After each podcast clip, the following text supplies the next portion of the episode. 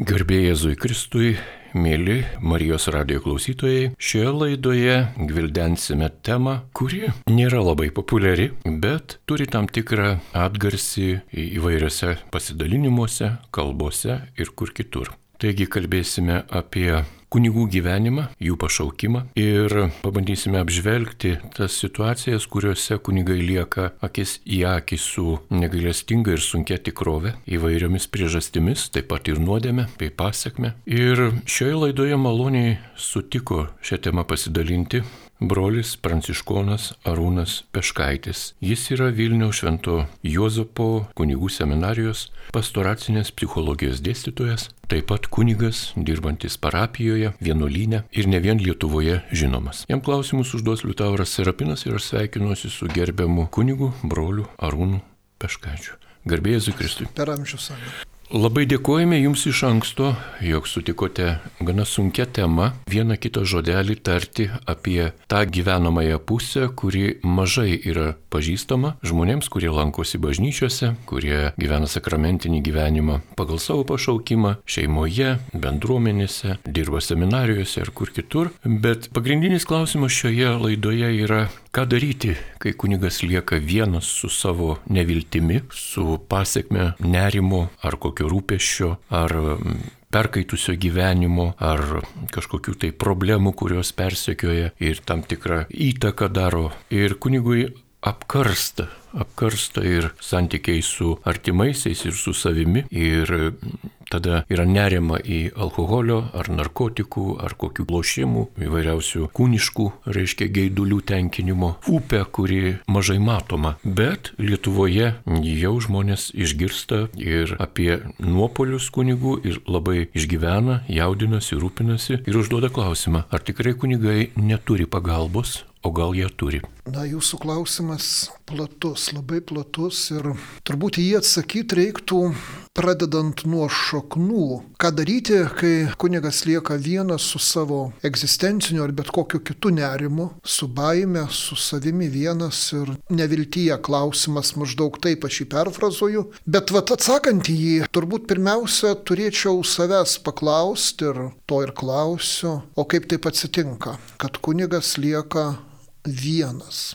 Aš šiuo metu būdamas Vilniuje Švento Pranciškaus ir Šventojo Bernardino vienuolyno gvardijonų savo pirmą užduotimi vienuolynę matau ne finansinius, administracinius reikalus, nors jie itin svarbus ir skausmingi būna, bet pirmiausia, kaip sukurti kartu su broliais tokią atmosferą, kada joks brolis, joks kunigas, nes pas mus Vilniuje iš aštuonių šeši kunigai, neliktų vienas. Būtent vienas su savo kartais net neviltimi. Tai galbūt kai kas pasakytų, na, be maž čia vienuolynė geriau ir pranciškonų vienuolynė, kuris yra paštališkas. Tačiau tai nėra taip paprasta irgi galima gyventi vienuolynę, ypač vyrai tą moka, kaip bendrabutyje, susitikti koridoriuje ir nieko čia per daug nesijausi ne vienas. Taigi darau viską, kad to nebūtų, kad iš tikrųjų atsirastų ne kažkoks lozunginis, parodomasis bendra, bendruomeniškumas, bet tikrai žmogus nesijaustų vienas ir vienišas, ypač kai jam santykio labai reikia - pagalbos, patarimo, suklusimo, išgirdimo. Tai vad pradėjau atsakinėti tą klausimą taip, nes e, vienas iš mano uždavinių dėstant ir pastoracinę psichologiją Vilniaus kunigų seminarijoje būtent yra tas, kad aš būsimus kunigus klierikus raginu išmokti. Vienatvės, paradoksalu, bet tam, kad neliktum vienas, reikia išmokti vienatvės, reikia išmokti vienumos su Dievu, bendruomeniai gyvenant lygiai tas pats, e, tu turi susitikti su savimi Kristuje ir susitikti, aš sakyčiau, ir dvasiniam, ir sielos, ir kūno lygmenį. Tam gali padėti daug kas ir dvasios tėvas, ir bendruomenė, ir psichoterapija kartais. Bet svarbiausia noras susitikti ir noras reflektuoti save. Ir aišku, aš jiems sakau, kad taip jūsų pašaukimas tikrai sunkus. Būsit dieceziniai kunigai.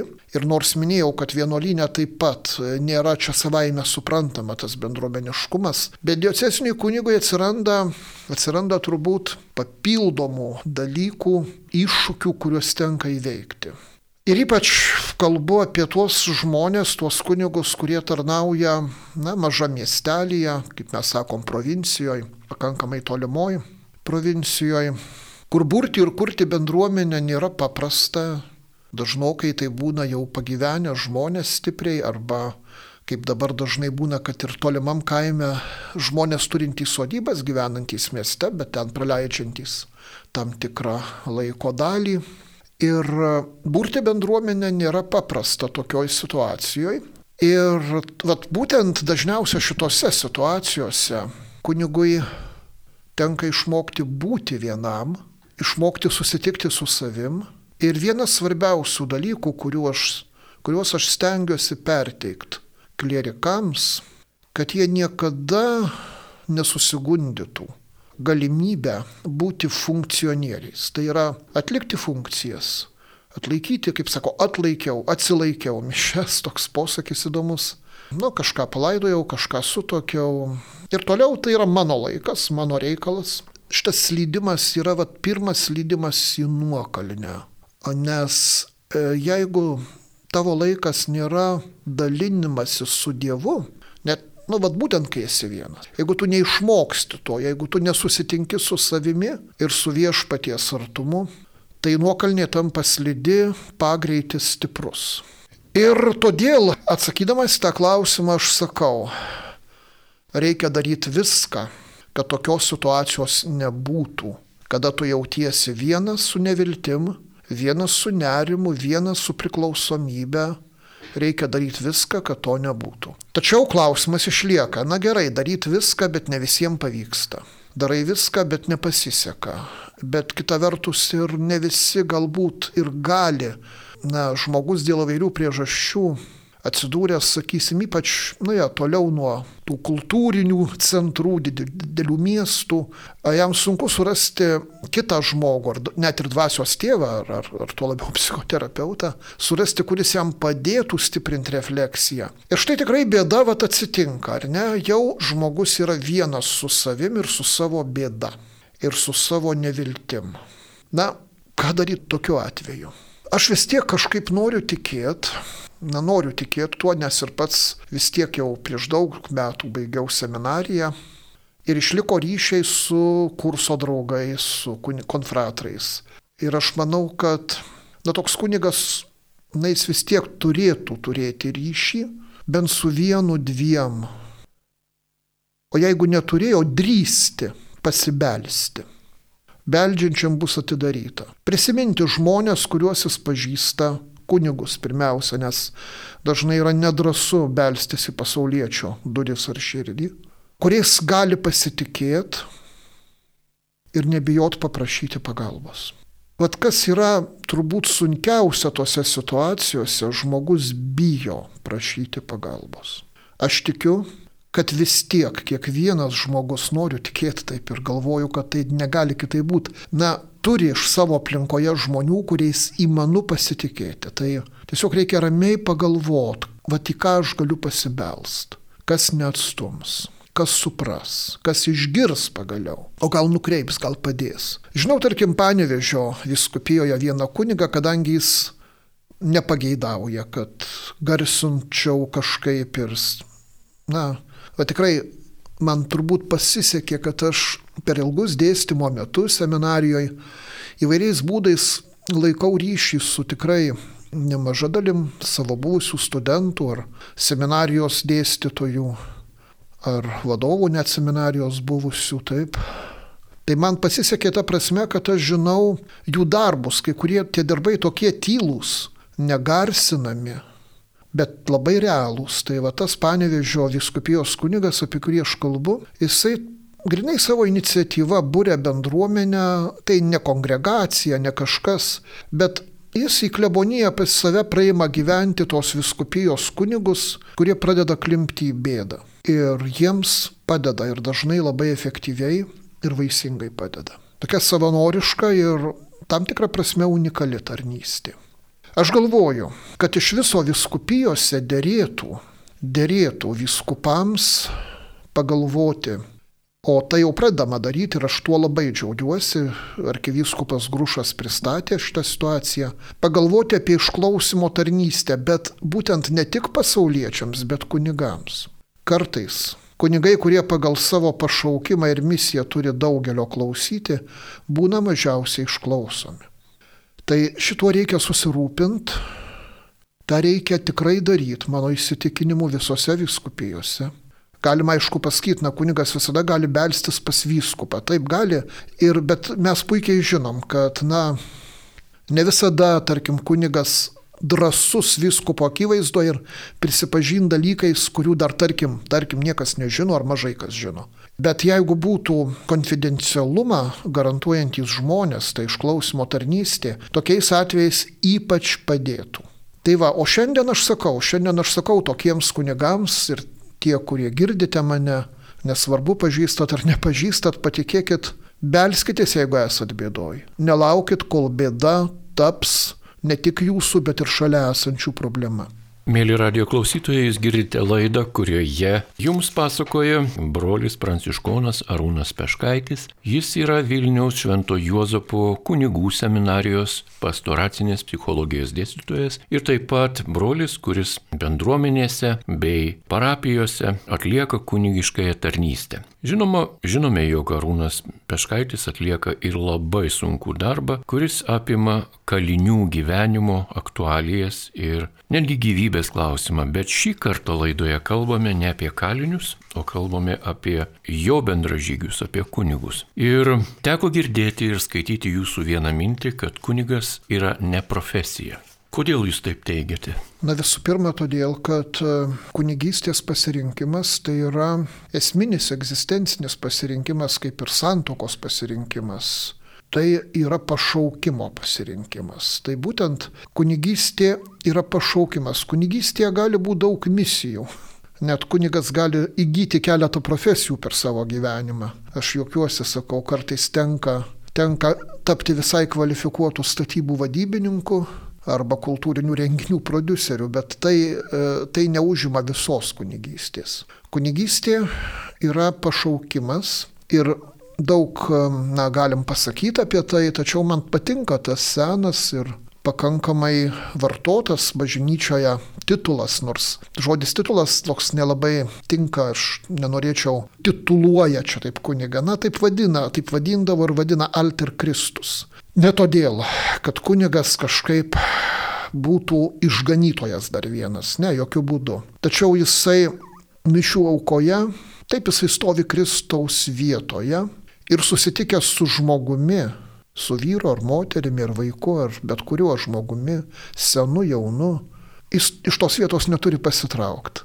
Aš turiu galvoj, kad um, bet kuri profesija, taip, jinai turi būti integruota, aš giliai tikiu, kad, na, jeigu profesija mano, tai yra mano darbinis užsiemimas, nėra integruotas į mano gyvenimą ir net į mano vidinį gyvenimą, neužima tam tikros gyvenimo dalies, Tai yra blogai labai, tai galiausiai veda į asmenybės skilimą. Bet, bet kuri profesija neužima viso gyvenimo. Bet Kristus, Kristus negali būti dalinis. Jis iš tikrųjų keičia visą mano gyvenimą ir ta kaita vyksta kiekvieną mielą mano gyvenimo dieną. Ir štai pasirinkdamas kunigystę aš pasirenku gyvenimo būdą. Nuolat siekti to buvimo su Kristumi tam, kad galėčiau būti dėl kitų. Tai yra alter Kristus. Ir kiek man pavyksta, aš negaliu pasakyti, bet aš galiu pasakyti, kad aš pažįstu ne vieną ir ne du kunigus, kurie taip gyvena.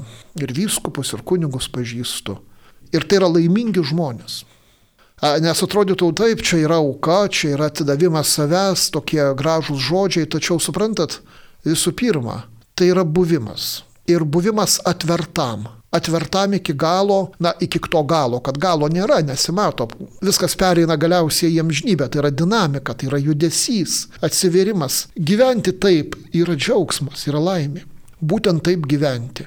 O tą gyvenimą apribojus ir kunigystę imant suprasti tik kaip funkciją, apie ką jau truputį minėjau, taip galiausiai tu tampi itin nelaimingu.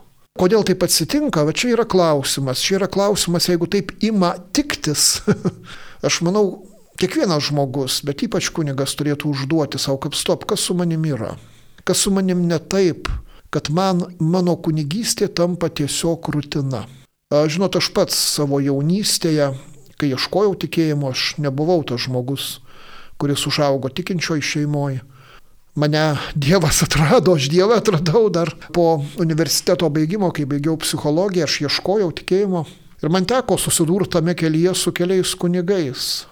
Vienas iš jų buvo toks, taip, jis man tada atrodė, prisiminus ir dabar man jis taip atrodo, prisiminus tą laiką aš nežinau, kaip jis gyvena, ar dar gyvena ir šit tikrai nežinau, nes tai buvo prieš daugybę, daugybę metų. Funkcionierius administratorius kuris neatsakė man esminius klausimus ir ne dėl gabumų kažkokių, ne gabumų ar gabumų, o dėl to, kad jis nenorėjo su manim kalbėtis. Jis tiesiog atliko tam tikras funkcijas. O aš atėjau ne funkcijos, aš atėjau ieškoti Dievo, taip skambu, bet taip yra, aš atėjau ieškoti prasmės gyvenimo. Ir likau be žado, nes atsakė į mano kažkokį, norėjo atsakyti mano funkcionalumą, kurio aš visai nenorėjau ir neturėjau jokio noro apie tai, ten ką išmokti, ką pasakyti, dėl ko ten maldos vienokios ar kitokios, ne apie tai. O kitas kunigas, kurį taip pat tuose ieškojimų keliuose teko sutikti ir aš jau net ir galiu paminėti, kas tai buvo, tai buvo Aš tikrai nepamenu vardo ir pavardės, bet tai buvo ilgametis Onos, Šventosios Onos Vilnius, Šventosios Onos bažnyčios klebonas. Jis man pasakė keletą labai gerų, labai susirūpinusių ir švelniai gailestingų žodžių. Ir tie žodžiai man iki šiol išliko. Ir tie žodžiai buvo man toks paskatinimas eiti, taip toliau, eiti, ieškoti, taip. Nes jis kalbėjo ne kaip funkcionierius. Jis kalbėjo kaip žmogus, pas kurį atėjo kitas žmogus. Kaip žmogus atstovaujantis Kristų, to kito žmogaus kelyje. Mėly radio klausytojai, tęsėme laidą, kurioje kalbame apie kunigų vienatvę, apie problemas, kurios galbūt viršyje kunigų kantrybę ar tam tikrą gebėjimą išeiti iš sunkių situacijų. Ir šiandien apie šias ir panašias problemas kunigo gyvenime, pašaukime dalinasi ir pasakoja kunigas brolis pranciškonas Arūnas Peškaitis. Jau jūs paminėjote, jog kunigai turi gyventi tam tikrame atsiskyrime celibatas tai yra vadinamas. Negali turėti šeimos, negali kurti šeimos. Ir iš vienos pusės girdime, jog girdime kalbų tokių, jog yra manoma, jog celibatas gali būti kunigų nuodėmių priežastimi. O gal negali. Ir netiek svarbu yra, kaip fiziškai susivaldyti nuo kažkokių tai geismų ar, ar kažkokių kitokių polinkių, bet kaip pasišvesti savo gyvenimą Dievui. Taigi šie du dalykai - pasišventimas ir problemos, kaip jie jums atrodo? Man visų pirma atrodo, kad um, sureikšminimas celibato turbūt vyksta fone labai seksualizuotos mūsų kultūros, kur ta laisvė intimioje sferoje jinai tampa įrankiu sugriauti tą intimumą ir uh, paversti šitą sferą taip pat vartojimo sferą. Tai, tai čia yra mūsų kultūros dėja dalis šiandienės mūsų supančios. Tai tikrai necelibatas, mano giliu įsitikinimu, yra problemos ašis ir, ir, ir pagrindinė, dėl ko kunigas kenčia vienatvę. Taip, aš negaliu turėti žmonos, vaikų, kaip ir mano broliai kunigai, vienuoliai ir ne vienuoliai negali to turėti, bet vis tik tai pasišventimas būdingas ne tik mums kunigams. Pasišventimas tai yra krikščionio dalė, kiekvieno krikščionio ir kiekvienos krikščionės. Ir lygiai taip pat krikščionis vyras ar moteris gyvendami vieni tarkim, nesantokoje. Arba gyvendami santokoje, jie pasišvenčia, jie atiduoda savo kūnus kaip kvep, kvapnę auką Dievui iš tikrųjų. Tai yra, tu žinai, kad esi vientisas ir turi maksimaliai siekti to vientisumo savo gyvenime, nes taip veikia gydanti Kristaus malonė. Jeigu tu nori Kristaus malonės gydimo, tu turi prašyti šito vientisumo. Ar tu būsi celibate, ar tu būsi vedęs, tu vis tiek jo turi prašyti. Aš nežinau, reikia dar kam nors priminti ar pasakoti tą tiesą, kad savaime santoka niekaip neišvaduoja nuo geidulių ar nuo neištikimybės ir net nuo vienatvės automatiškai neišvaduoja. Už santoką reikia nuolat kovot ir už tą malonės ryšį, kuris santoką kuria nuolat kiekvieną dieną. Aš kartais susitikęs su savo draugais, žinotais vyrais, turinčiais vaikų, ne vieną vaiką ir dalis, aišku, tų vaikų jau suaugę, suprantama. Aš skau žinot, jūs esate šventieji. Ir aš taip sakau, ne, nenorėdamas įsiteikti ar komplimentų sakyti, bet norėdamas pasakyti, kokie jūs pasišventę. Kartais mums kunigams to pasišventimo pritrūksta kelis kartus mažiau esame pasišventę negu jūs. Ir taip sakydamas, aš taip pat turiu galvo ir kryžių, kurį jie neša. Taip kad krikščionio kelias nėra tas kelias, kuriame lengvai gyvensi ar ir kiekvienas tavo gyvenimo kelias jis turės pasišventimo aspektą. Taip, tu imsi savo kryžių ir seksi Kristų, jeigu esi krikščionis, kita vertus, kitoje kryžiaus pusėje yra prisikelimas ir absoliutus džiaugsmas. Ir tai neatskiriami dalykai. Tai nėra taip nesuprantama, kaip gali atrodyti. Nes tada, kai tu patiri visą gyvenimo sunkį, gyvenimo svorį, kada tu prisimi atsakomybę ir pasišventimas iš esmės ir yra atsakomybė prieš Dievą ir prieš žmonės, tu pajunti laisvę ir galimybę atviram būti. Suprantat, džiaugtis, nes džiaugsmas susijęs su atvirumu, su atvirumu Dievui ir žmonėms. Ir tai yra tobulas džiaugsmas, kurio niekas netims. Yra žinomas pasakojimas apie šventąjį Pranciškų, kaip jis aiškina, kasgi yra tobulas džiaugsmas. Aš dabar nepasakosiu to pasakojimo, tik labai trumpai pasakysiu, kad šventasis Pranciškus sako, jeigu viską iš tave atima ir galiausiai tave išvėja ir net pažįsta ir atstumia, bet tu vis tiek dėkoji Dievui, tai džiaugsmas tavo yra tobulas jau, nes tu turi vidinį įsitikinimą, tikėjimą ir netgi tikrumą kad tas, kuris tave sukūrė ir atpirko, tavęs niekada nepaliko ne vieną tavo gyvenimo minutę. Ir nepalieka. Ir tas posakis gale gyvenimo vieno romano herojaus viskas yra malonė. Na, tas posakis yra galioja, jis ir šiandien galioja visiems mums. Taigi celibatas savaime nėra priežastis bėdų. Priežastis bėdų visada slypi mūsų asmenybėje, struktūroje asmenybės, mūsų silpnume, kartais psichologiniam, o kartais ir dvasiniam, negebant atsakyti į malonę, nepasitikint, ar mes būtume celibatė ar necelibatė, visada tas iššūkis mums bus. Ir kai aš klausausi žmonių patyrusių atsivertimą, neseniai girdėjau liūdėjimą iš vieno žmogaus, patyrusio neseniai atsivertimo malonę, žmogaus, kuris, na, taip sakysim, jisai kol kas nėra vedęs. Ir jisai suprato tą iššūkį, kad po atsivertimo jis turi būti pasišventęs, pašvestas ir kovoja už tą naują savo gyvenimo kokybę. Man jo klausantis, iš tikrųjų toks, žinot, atėjo graudus džiaugsmas. Va, žmogus atranda tikrumą. Ir, žinot, tikrumui, Dievo tikrumui reikia pasiduoti. O Aišku, kad manęs klausydami žmonės gali paklausti, gal jeigu, na, jeigu klausot jūs, kurie netikite, ir gali tai būti, kad klausot ir Marijos radio ir ačiū Dievui už jūs, arba tie, kurie tikite ir galit paklausti, gal geriau būti netikinčių, ką čia taip sunkiai dabar su tais krikščionėmis.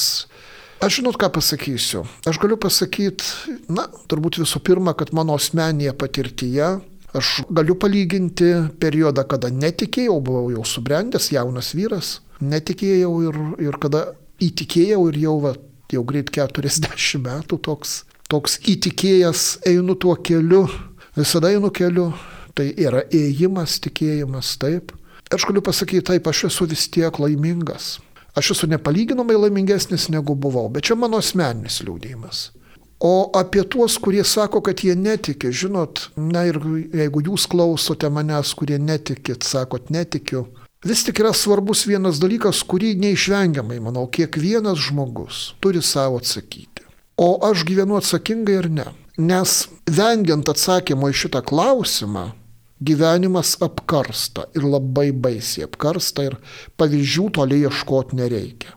Pasiduoti hedonizmui, pasiduoti tiekmei, yra pats baisiausias dalykas. O pasišvesti, net ir netikint, bet ieškant tiesos, nežinant, bet ieškant, ieškoti prasmės, kaip sako Viktoras Franklis. Tai yra žmogaus pašaukimas, tai yra žmogaus pašaukimas, mes krikščionys sakom. Žmogus turi, šiaip jau visi žmonės turi pašaukimą įvairiais būdais, bet būti su Dievu, būti šventais. Ir tas, kuris šiandien sako, na, aš nežinau, aš netikiu, aš nepasitikiu, aš bažnyčia, bažnyčios pykstu, vis tiek būkime atviri galvojimui, kas aš esu ir kodėl ir tikrai būsim laimingesni negu pasidavę drumzelinai sroviai. Tai garantuoju šitą ir knygų galiu patart, tačiau jūs patys jas puikiai galite susirasti ir um, apie tai mąstyti. Vat žinot, man yra turbūt vienas pavojingiausių dalykų, kada žmogus pasako, ah, aš tikiu į Dievą, kuris yra mano širdyje. Ir toliau jis nieko neieško, jis kažkuo tiki, kažkokia efemeriška būtybė, kuri tiesą sakant nedaro jokios įtakos jo gyvenimui. Tai čia yra daug geriau tada pasakyti, ne, aš kol kas netikiu, aš tiesiog ieškau atsakymo į klausimą. Mano gilių įsitikinimu toks buvo Alberas Kamiu. Jis buvo nuolat ieškantis tiesos žmogus. Tai daug geriau negu pasakyti, ah, Dievas yra viskas. Ne, ne viskas. Besiklausant jūsų, gerbiamas kunigė Arūnai, prisiminiau vieną interviu, kurį ėmiau iš jau amžinybėje esančio šiuo metu kunigo, tai Antano Dylio. Jis buvo kunigas, kuris nugyveno labai gražų gyvenimą. 96 metus gyveno ir sulaukė tokio garbingo amžiaus, kunigo pašaukimą jisai išgyveno 73 metus. Ir buvo be teismo ištremtas į Vorkutos ir Karagandos lagerius ir ten kalėjo 7 metus. Aš jau paklausiau, gerbimas kunigė, ar pasišventimas yra matomas ar nematomas? Ar jums ten lageriuose buvo sunku ar lengva? Ir jis nuostabai mano atsakė, manęs ten niekas neužgavo. Nė vienas žmogus manęs neužgavo kaip kunigu, nė vienas nesužeidė. Vienas zekas pijokėlis numušė nuo manęs kepurę lapinę, tai kitas kalinys ją pakėlė ir man padavė. Ir aš viso lagerio gyvenimo metu, septyneri metai, nebuvau nei primuštas, nei užgautas, kad esu kunigas. Dabar šitame kontekste tokio herojiško gyvenimo, taip, nepaprastų sąlygų, kyla Kitas klausimas. Žiniasklaida šiuo metu kunigų gyvenimą pateikia kaip žinias, kaip informaciją, kaip naujieną. Ar tikrai kunigo išgyvenimai, kunigo nuopolis arba kunigo pasišventimas yra naujiena, informacija? Ar tikrai tai reikia žiūrėti kaip į žinių turinį? O jeigu ne taip, tai kaip? Ačiū už gerą klausimą.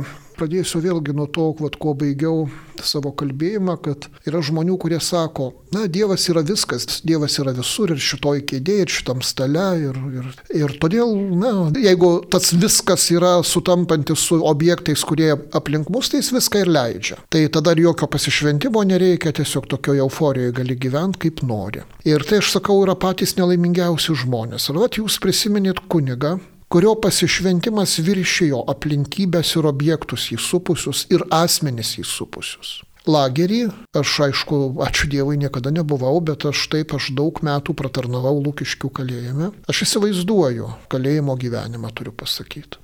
Tai jeigu žmonės kalintys kalėjime gerbė, šitą žmogų vadinasi, tas pasišventimas yra matomas, jis yra liudijamas santykiu. Ir dabar, kai kalbam apie informaciją, jūs sakot, kunigas tas pasakė, Dilys, niekas mane ten neužgavo. Šiandien mūsų žiniasklaida užgauna kiekvieną turbūt dieną, ne tik kunigus, jokių būdų. Aš net sakyčiau, užgauna tuos, kurie netgi labai nori žiniasklaidai pasakoti savo intimius dalykus. Tai ten tos, kurie kažkiek žinomi žmonės viešojoje erdvėje, galbūt apie save įsivaizduoja pakankamai žvaigždiškai, aš nežinau, atlieka tokias vos pseudo išpažintis, užgauna. Nes iš tikrųjų visa tai paverčiama informacija apie tai, kas yra intimu, kas yra brangu, kas yra skausminga, kas yra praradimas, neviltis. Ta paversti tiesiog informaciją arba dar baisiau info, sensacingą informaciją, o ten tas ir tas su anuo ir tuo. Yra baisus nusikaltimas. Ir žinoma, kad visą tai ištverti yra labai sunku.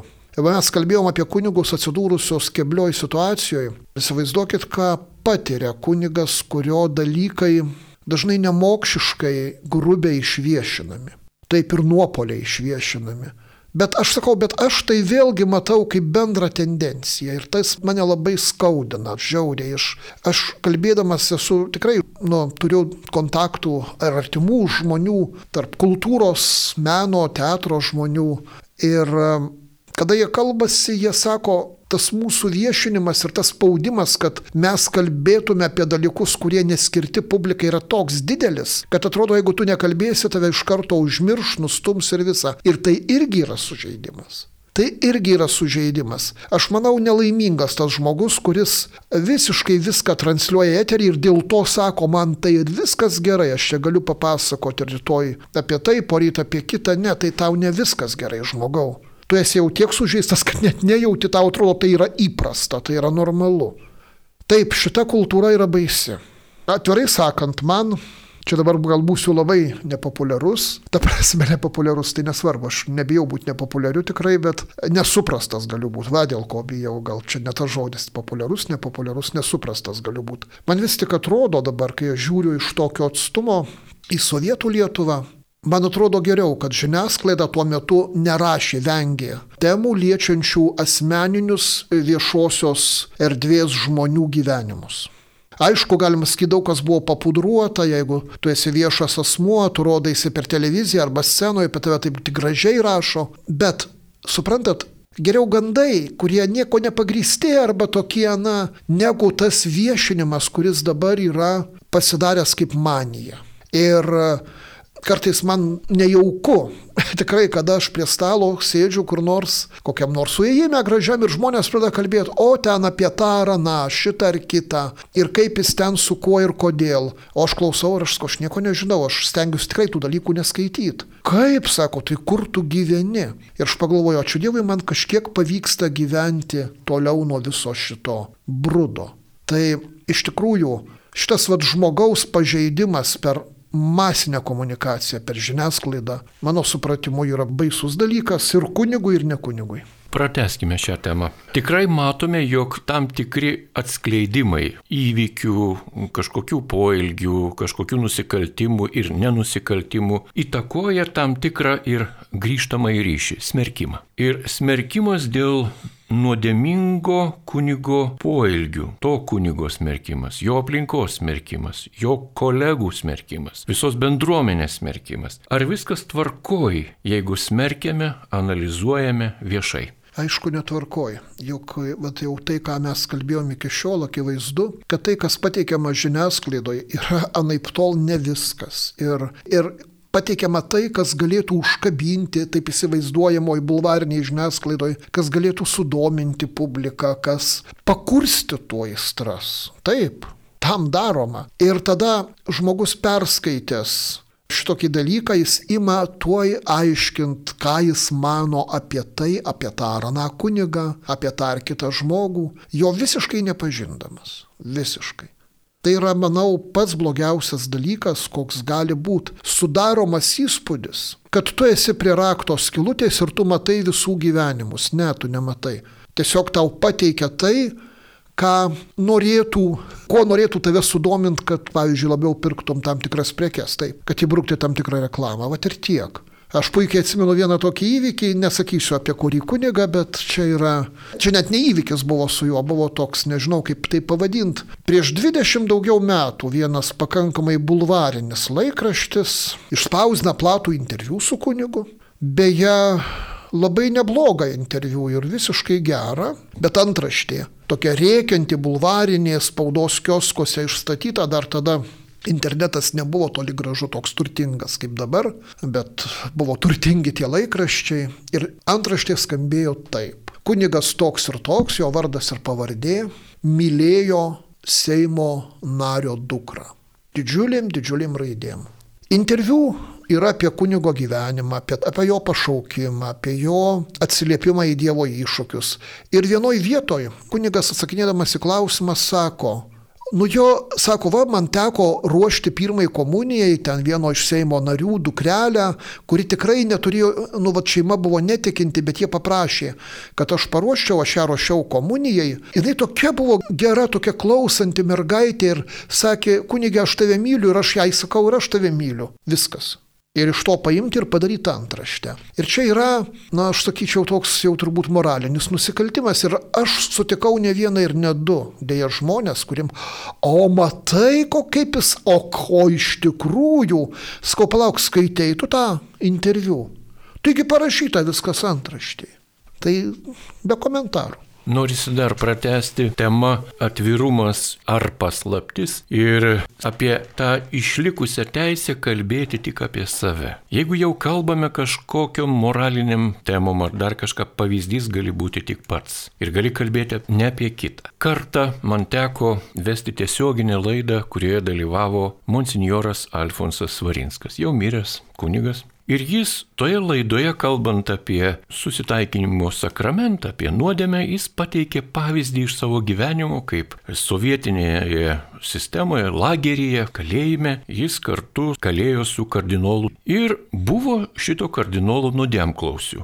Ir nuodėmių išpažinimą jie galėdavo atlikti tik vienoje vietoje - pirti. Ir jis tiesioginiam eterį pasakoja apie tai, kaip jie abu nuogut nuogutėliai sėdint pirties tų laktų ir atlieka išpažinti ir jisai taip su tokiu giliu juodo humoro, kaip sakant, tokiu bruožu, abu nuogi, abu. Ir visa tai eina tiesiogiai į eterį, reiškia, bet jis su humoru apie tai kalba, jis kalba apie save, pateikęs save kaip pavyzdį. Niekas nepasipiktino, niekas neišpaaišė jokių istorijų toliau, to, kad jis kalbėjo apie save. Ir jeigu dabar dar kunigė Arūnai, laidos pabaigai, atvirumas ir paslaptis. Šios dvi dimensijos, kiek jos įveda aiškumo ir kiek jos įveda painiavos, kai mes kalbame apie kunigų nusižengimus arba tos ypatingai stipriai paveikiančius, papiktinančius kunigų kažkokius nuopolius.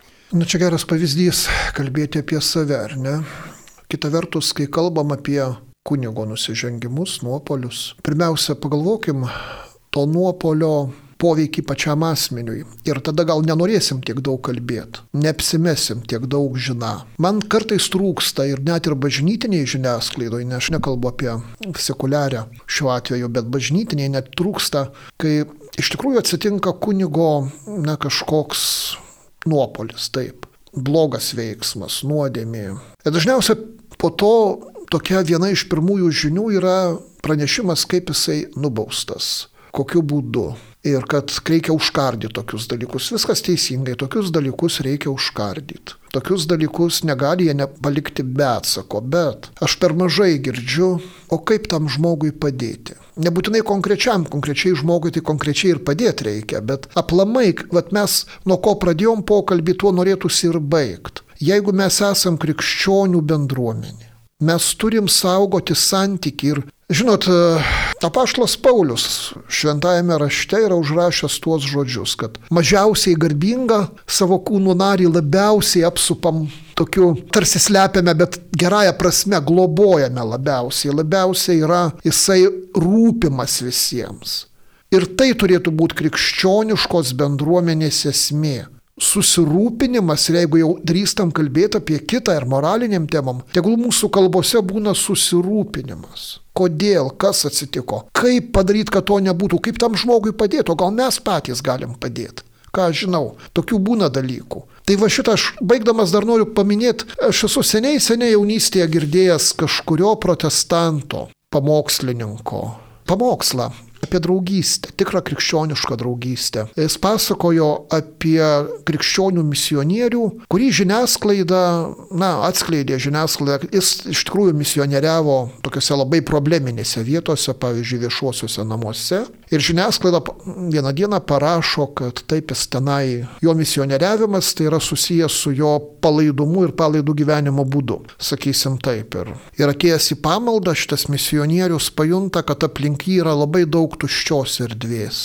Žmonės nesėdi šalia jo pamaldose, jie pasitraukia. Ir tik vienas žmogus atėjo ir atsisėdo šalia. Tas pastorius savo pamokslę sako, ir tas žmogus buvo tas, kuris palaikė sužeistą erelį. Nesukapojo jį, ne, neišmetė, bet iš tikrųjų palaikė ne jo veiksmus, o jį kaip žmogų. Žinot, vad, Sodomos nuodėmiai kas yra svarbiausia? Nesvetingumas ir uždarumas. Tai nevirskime Sodomą vienas kitam. Mėly Marijos radio klausytojai, šią valandėlę su jumis buvo brolis pranciškonas kunigas Arūnas Peškaitis, jį kalbino Liutauras Serapinas ragindamas ir toliau likti su Marijos radiju.